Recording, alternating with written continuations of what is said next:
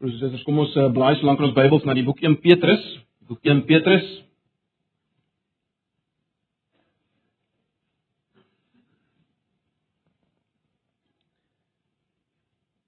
Vir ons uh, gesamentlik, kom ons bid net weer 'n keer saam, ons vra dat die Here vir ons sal sal lei in die uitleg van die, ons sy woord. Here baie baie dankie dat ons U lof nou kon besing. Dis waarvoor ons bestaan om saam U groot te maak. Here ons doen dit in gebrokenheid. Maar dankie dat ons lof van U ook aanvaarbaar is voor U in Christus Jesus en op grond wat hy van wat hy in ons plek gedoen het. Ons dankie daarvoor. En nou wil ek vra Here dat U ten spyte van my eie gebrokenheid en ten spyte van dit wat ons in onsself is, sal kom praat met U liggaam, die gemeente, dat U ons sal vernuwe in ons denke, sal opbou uiteindelik Here sodat ons kan inbeweeg in hierdie wêreld soos U. Kan doen dit wat U gedoen het. Sodat U al die lof ontvang. Here, ek pleit dit in U naam. Kom doen dit. Heerlik U self. Al die aandag, al die fokus wil ons op U vestig in hierdie oomblik. Asseblief. Ons vra dit in Jesus se naam. Amen. Goed, julle 1 Petrus 4. Terwyl wille van tyd, kom ons lees net vers vers 10 en 11. Ek uh, gaan nie vanoggend baie aandag gee aan die konteks nie, soos ons gewoonlik doen nie.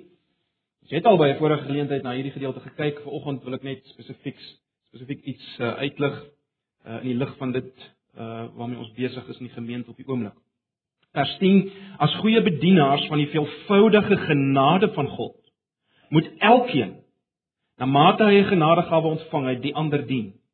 As iemand die gawe ontvang het om te preek, moet God deur hom aan die woord kom. As dit is om om in die gemeente te dien, moet hy dien met die krag wat God verleen. So moet julle God in alles verheerlik deur Jesus Christus, aan wie die heerlikheid en die krag behoort tot in alle ewigheid. Lees net so ver. Nou, uh soos die meeste van julle weet, ons het verlede Sondag begin kyk na uh na Antipas se visie en missie. En ons het gesien in die lig van die Bybel, in die lig van veral Johannes 20 vers 21, kan ons as gemeente se visie nie anders wees as om soos Jesus in die wêreld in te beweeg en te doen wat hy doen nie. Ons kan nie 'n plek wees waar ons net uh, 'n soort van 'n teatermentaliteit het om te kyk wat kan ons ontvang. Ons kan nie so 'n plek wees nie. Ons moet in die wêreld inbeweeg soos Jesus en doen wat hy gedoen het. Uh ek wil maar net weer daarop wys, daar is 'n serie beskikbaar vir elkeen. Ehm um, julle nie hier was nie sodat julle kan luister en presies agter die kap van die Bybel kom. Ek wil dit nie nou herhaal nie. Maar ons het ook vir mekaar gesê in hierdie sessie dat ons soos Jesus in te beweeg in hierdie wêreld, moet ons word soos Jesus. Ons moet word dit wat Jesus was. En ek het ook by hierdie geleentheid gesê dat alles wat in Jesus as een persoon gesetel is, of gesetel was, is nou versprei in ons. In ons as gemeente. Alles wat in hom was as een persoon is versprei in ons as liggaam wat hier sit. En wat ons elkeen het, moet ons nou gebruik teenoor mekaar, né? Nee, vir mekaar in die eerste plek sodat ons gesamentlik kan word dit wat Jesus was en laat ons gesamentlik dan kan inbeweeg in die wêreld om te doen wat hy gedoen het, genesing, prediking, lering. Dis waarna ons gekyk het, né? Uh miskien jy net vanaf bly na Efesiërs hoofstuk 4. Bly net vanaf na Efesiërs 4. Kan jy nou uh kan jy nou die gedeelte in geheel bespreek nie? Ek wil net hê ons moet kyk na uh Efesiërs 4.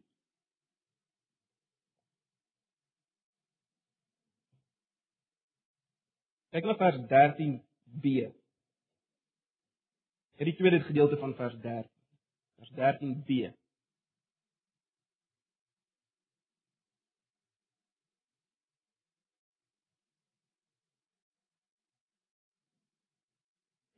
Dan sal ons sy kerk anderswoorde sy gemeente soos 'n volgroeide mens wees, so volmaak en volwasse soos Christus. Daar's die doel van alles, dis waarna ons beweeg.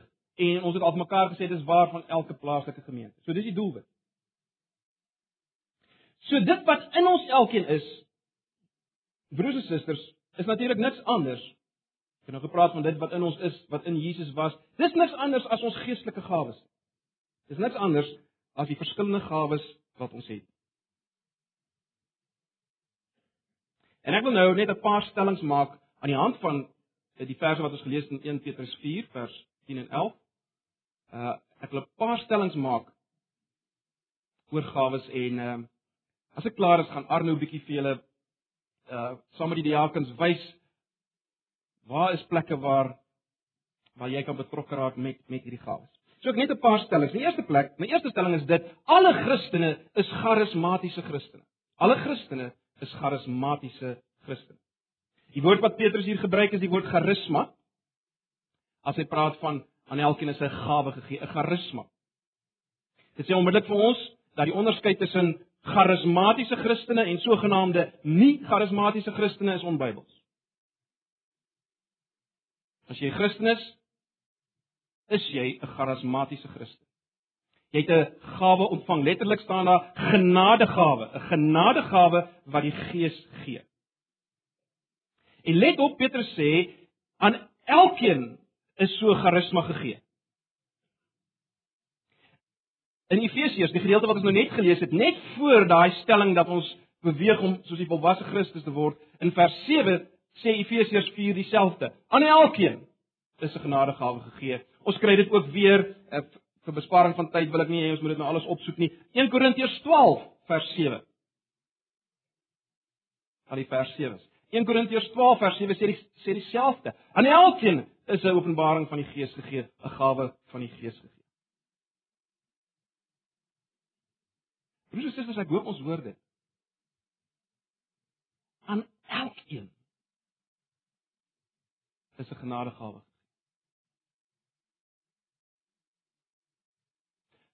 Ook jy het 'n genadegawe. Ook jy het 'n genadegawe, baie belangrik. As jy nie 'n charisma het nie, is jy nie 'n Christen nie.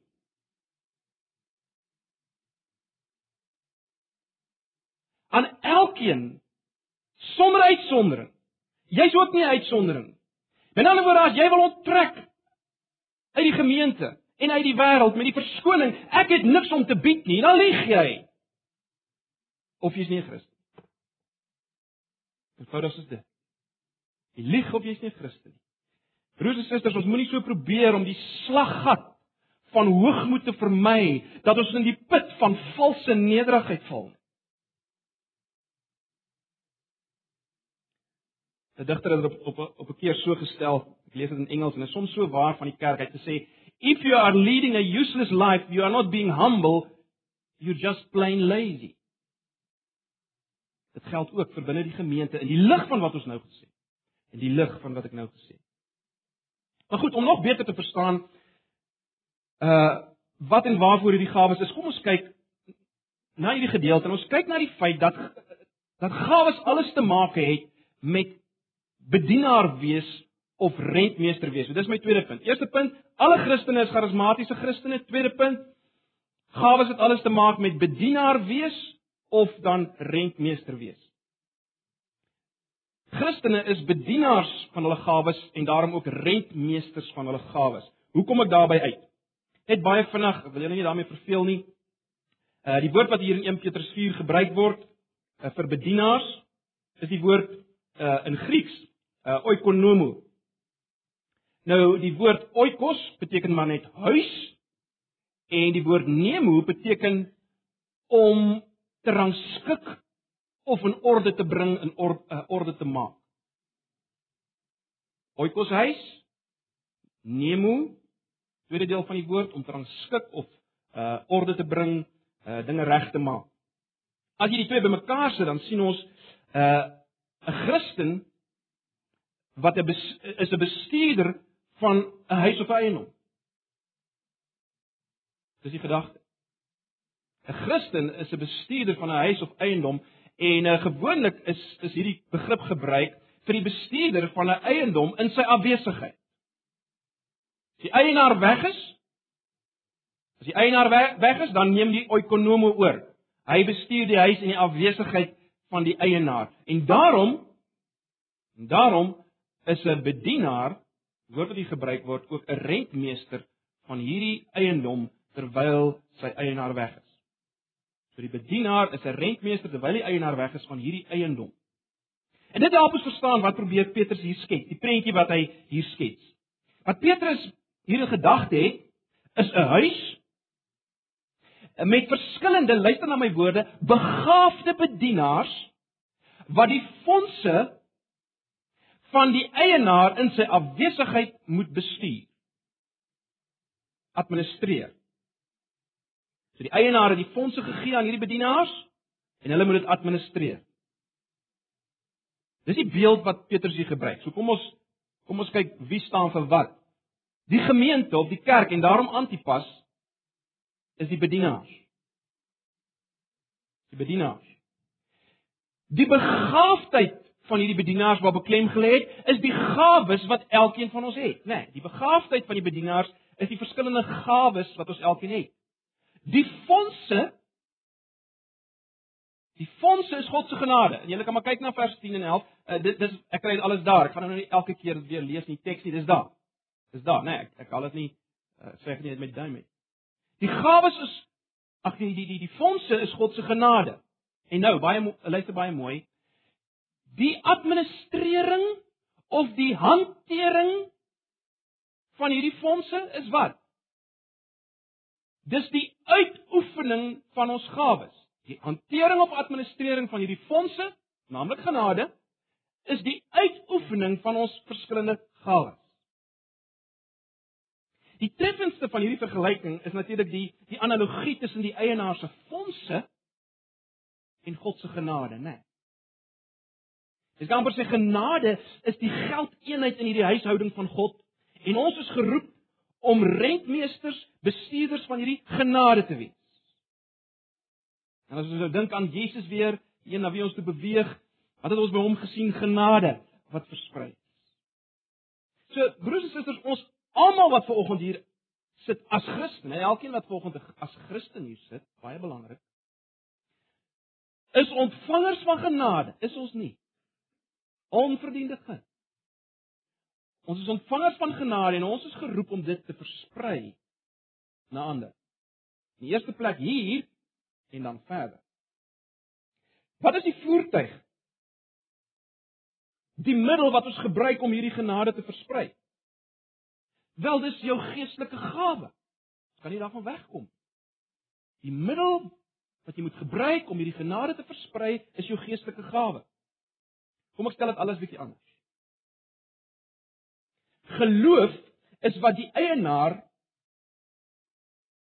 die eintlike eienaar van hierdie huis, geloof is dit wat hy wil sien in al sy bedienaars in sy huis en verder wil hy geloof sien. Dis wat hy wil sien. Genade genade is die enigste geldeenheid wat hierdie geloof kan koop.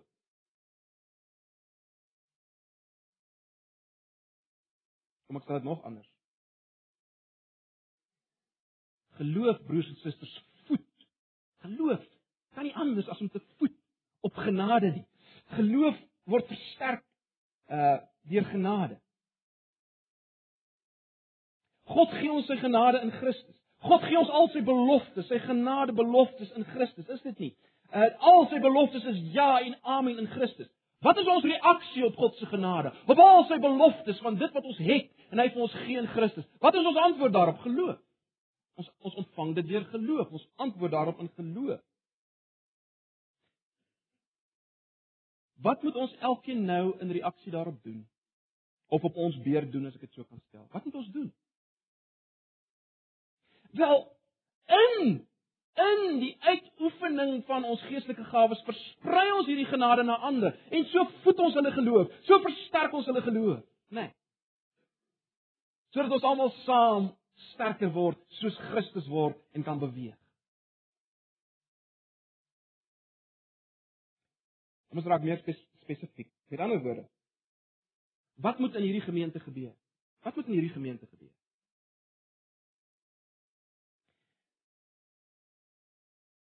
Ons almal wat hier is as Christene.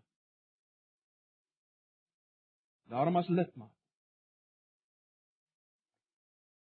Ons Almal wat hier is is lidmate en die van julle wat nog dalk gaan lidmate word. Ons almal moet al meer bewus word van God se genade in Christus wat ons het en ons moet al meer en meer maniere vind om hierdie genade kreatief te versprei na almal rondom ons hier en uiteindelik ver. Dis wat moet gebeur hier. Dis wat hier moet gebeur. Ons moet bewus word van dit wat ons het. En ons moet maniere vind, op kreatiewe maniere om dit te versprei na mekaar sodat almal kan sterk word hier en sodat ons na buite kan beweeg.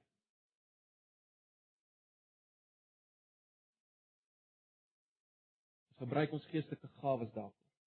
Ag. Mag die gees van God begin handel dryf in ons midde, né? Nee, met sy genade. Goed. Dis dan die verband tussen gawes en bestuurder of rentmeester wees. 'n Derde punt wat ek wil maak is dit: Wat is 'n gawe? Wat is 'n gawe? Broers en susters, 'n gawe is, luister mooi, enige vorm van toerusting deur die Heilige Gees wat ons geloof tot uitdrukking bring en wat God gebruik om sy genade te versprei sodat sy gemeente opgebou kan word. Sodat sy gemeente kan word dit wat hy is en was op aarde. Enige vorm van toerusting deur die Heilige Gees wat ons geloof tot uitdrukking bring en wat God gebruik om sy genade te versprei. Dis 'n gawe. Nou, 'n vierde punt wat ons hier sien is dit. Daar's net twee kategorieë van gawes, maar daar's 'n onbeperkte verskeidenheid. Daar's net twee kategorieë. In 1 Petrus 4 vers 11 sien ons hierdie twee kategorieë. Daar's woordgeoriënteerde gawes en daar is daadgeoriënteerde gawes. En as mens nou dink aan wat Jesus gedoen het, dan pas dit daarbey in, né? Nee, Jesus wat gedoen het, genees het, mense aangeraak het en geleer en gepreek het. Die gawes wat in ons gesetel is, twee kategorieë, woordgeoriënteerd en daadgeoriënteerd. En nou kom Petrus en hy sê as iemand uh ek weet nie die plek kry. As iemand spreek, as iemand die gawe ontvang het om te spreek, moet God deur hom aan die woord kom. Met ander woorde, uh die gedagte is moenie staat maak op jou eie insig nie. As jou gawe in hierdie kategorie tel, gebruik God se woord. Gebruik God se woord, want uiteindelik moet mense bemoedig en versterk word uh en genade ontvang en dit kan net gebeur deur God se woord. Dit beteken nie uh jy moet altyd uh, die Bybel fisies oopslaan en 'n teks aanhaal noodwendig nie. Maar sorg dat dit wat jy deurgee aan ander deur God gelei is, van God afkom as inhoud God se woord, God se beloftes het. Dis wat Petrus bedoel. As jou gawe in daai kategorie lê, laat God aan die woord kom. Hy is uiteindelik die die geloofwaardige hoopgewer. Jy kan niemand hoop gee nie. So moenie staat maak op jou eie insig om iemand hoop te gee nie. Laat God se woord vir hom hoop gee. As jou gawe in hierdie kategorie val. Die tweede kategorie gawes is hy wat dien.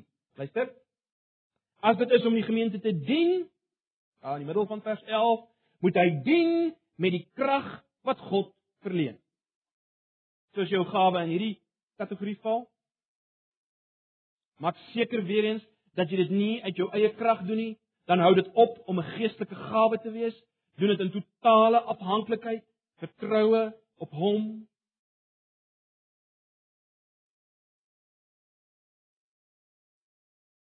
Ja, ook hierdie gawe van praktiese dienswerk. As jou gawe in hierdie kategorie val.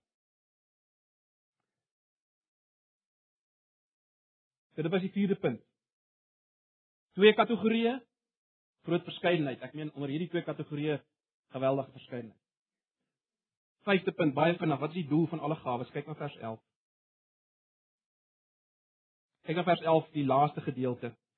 So moet julle God in alles verheerlik deur Jesus Christus aan wie die heerlikheid en krag behoort tot in alle ewigheid. Dis die doel van alle gawes. Dat God verheerlik mag word. En in die lig van wat ons verlede Sondag gesê het, gesien het, God se heerskappy moet duidelik word in ons en dan word God verheerlik. Mense moet in ons sien die herstel van verhoudings horisontaal en vertikaal. God se heerskappy moet sigbaar word, dan kry hy die eer. As ons word soos Jesus, dan word God verheerlik deur Jesus. Dan word God verheerlik deur Jesus. En dan kyk die wêreld na ons. Ek dink aan Efesiërs 3 vers 10 wat sê uh, aan die owerhede en magte word deur die gemeente bekend gemaak die menigvuldige wysheid van God. Ons word die vertoonvenster van God se heerlikheid. Mense sien ons en God word verheerlik. Dis die doel van alles. Dis die doel van die gawe. En daarom is dit die mees bevredigendste ding.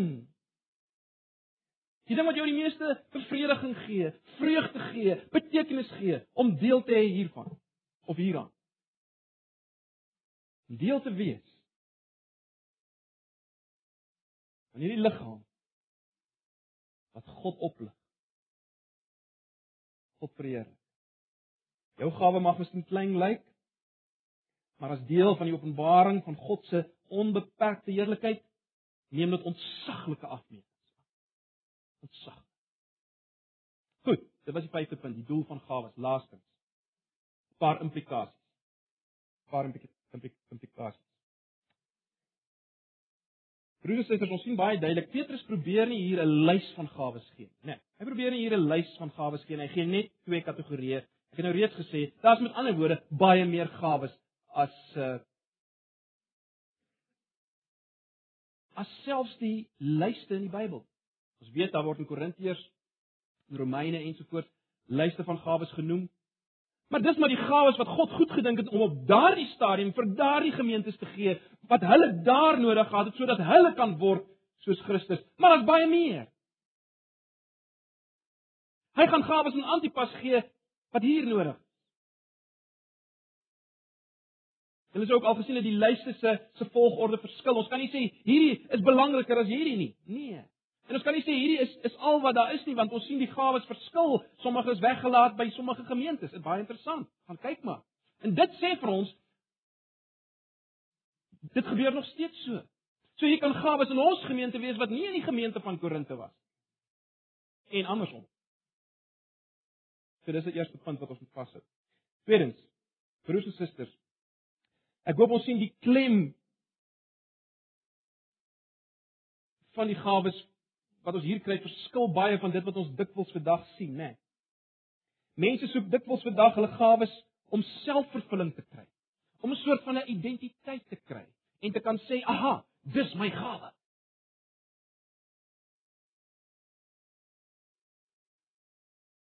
En dit dis dit om hulle eie ding te doen.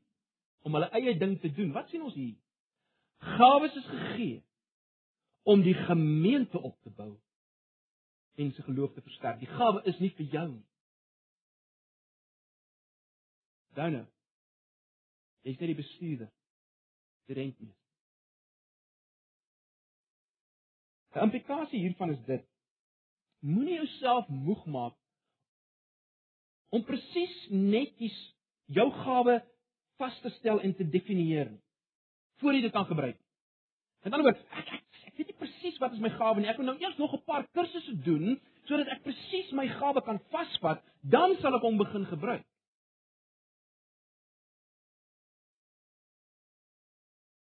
Nee. Sê weer, moenie te veel tyd spandeer om presies vas te stel. Is dit nou lering of profesie of uh vertroosting en en en, as ek hom nou netjies gedefinieer dan kan ek sê, "Ah, dis nou myne." Nee. Nee, in die lig van wat ons nou gesien het, broers en susters, is die manier om daaroor te dink veel meer so. Die rede waarom my gawes gegee is, is sodat ek ander se geloof kan versterk. So daar's iemand wie se geloof aan flarde is. Of daar's baie ouens wie se geloof sukkel Wat kom natuurlik by my op om daardie geloof te versterk? Wat wil ek graag doen?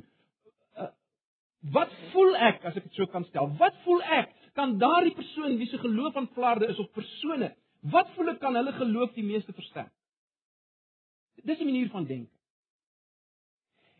En as ek dan daardie ding doen en daardie persoon word gehelp. Wel, dit is jou gawe. In die lig van 1 Petrus 4:10. Jy het jou gawe sopas ontdek as daai persoon se geloof versterk word. Hy meer God neem op sy woord, sy beloftes, Jesus en die lig daarvan leef. Wel, as dit wat jy gedoen het om te help daartoe lei, dis jou gawe. In 'n ander woorde, as jy iemand waarsku oor 'n sonde in sy lewe en hy besef waarmee hy besig is en hy kom tot inkeer, dan jy waarskynlik die gawe van vermaaning. As jy iemand sien wat eenkant sit en hartseer lyk, jy gaan sit jou arm om daai persoon en jy sê weet jy ek weet hoe voel jy? Weet waar jy gaan? Jy bemoedig die persoon. Daai persoon se geloof word versterk in die beloftes van Jesus, want jy waarskynlik die gawe van bemoedig. Of empatie. Empatie, net soos jy dit wil stel. As jy na iemand gaan wat se geloof wat sukkel, vra dit en jy gaan sit met jou Bybel en jy lê vir hom 'n gedeelte uit en en en sy oë gaan oop en hy sê, "Jog, maar nou sien ek dit, verstaan dit. Nou het ek weer hoop want jy waarskynlik die gawe van lering. Waarskynlik die gawe van lering.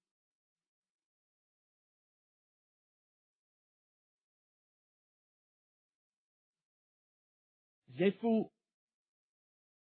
manier hoe ek geloof wil versterk is is deur te sing.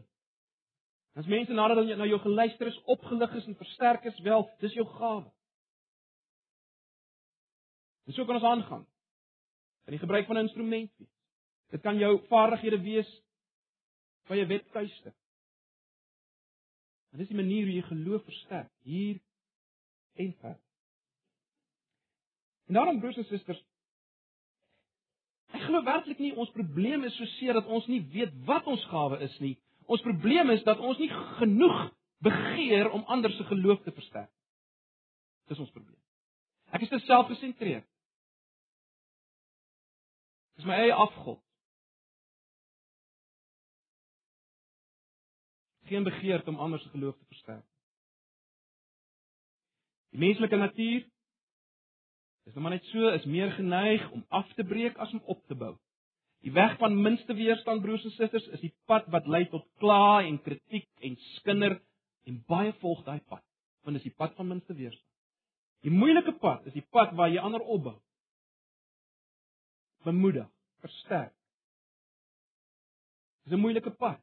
En dis die pad wat Jesus geloop het. Dis die pad van afsien aan die uh, afsien van die dinge waaraan ek kan vashou en vasklem. Dis die pad waar dit moontlik is dat jy gaan seer kry. Waar dit moontlik is dat jy gaan verwerp word. Ja. Maar dis waar ons geroep word.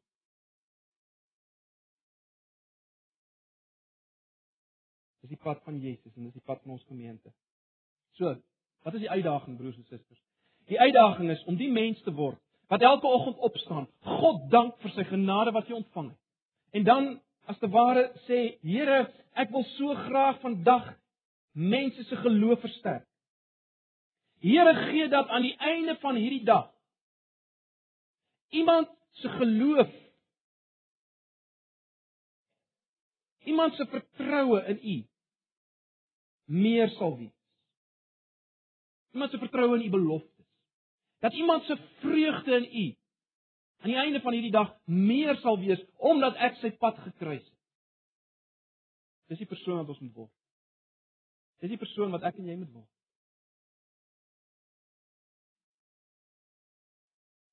Broers en susters, as jy hierdie persoon word, sal die Heilige Gees nie jou begeertes as ek dit so kan stel, laat vermors nie. Hy sal. Hy sal. Hy sal iemand oor jou pad stuur. Hy sal jou help om maniere te vind om die geloof van ander te versterk. Deur die gebruik van jou gawe en terloops dit sal die ontdekking van jou gawe wees. Maar jy sien, dit gaan om om 'n verandering in denke. Dit gaan daaroor om 'n ander persoon te word, as ek dit so kan stel. In die lig van wat God sê ons is en ons het. Het gaan. Jy is 'n redmeester en 'n bestuurder van daai gawe.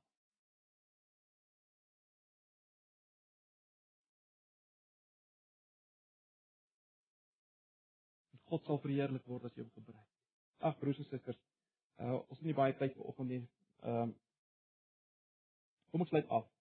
Ek hoop dit is baie duidelik vir ons dat in God se denke, en dit wat ons kry in die Nuwe Testament, is daar nie plek met alle respek te sê, is daar nie plek vir mense wat hulle self lidmate noem, deel van 'n gemeente noem en hulle woon maar net eredienste by.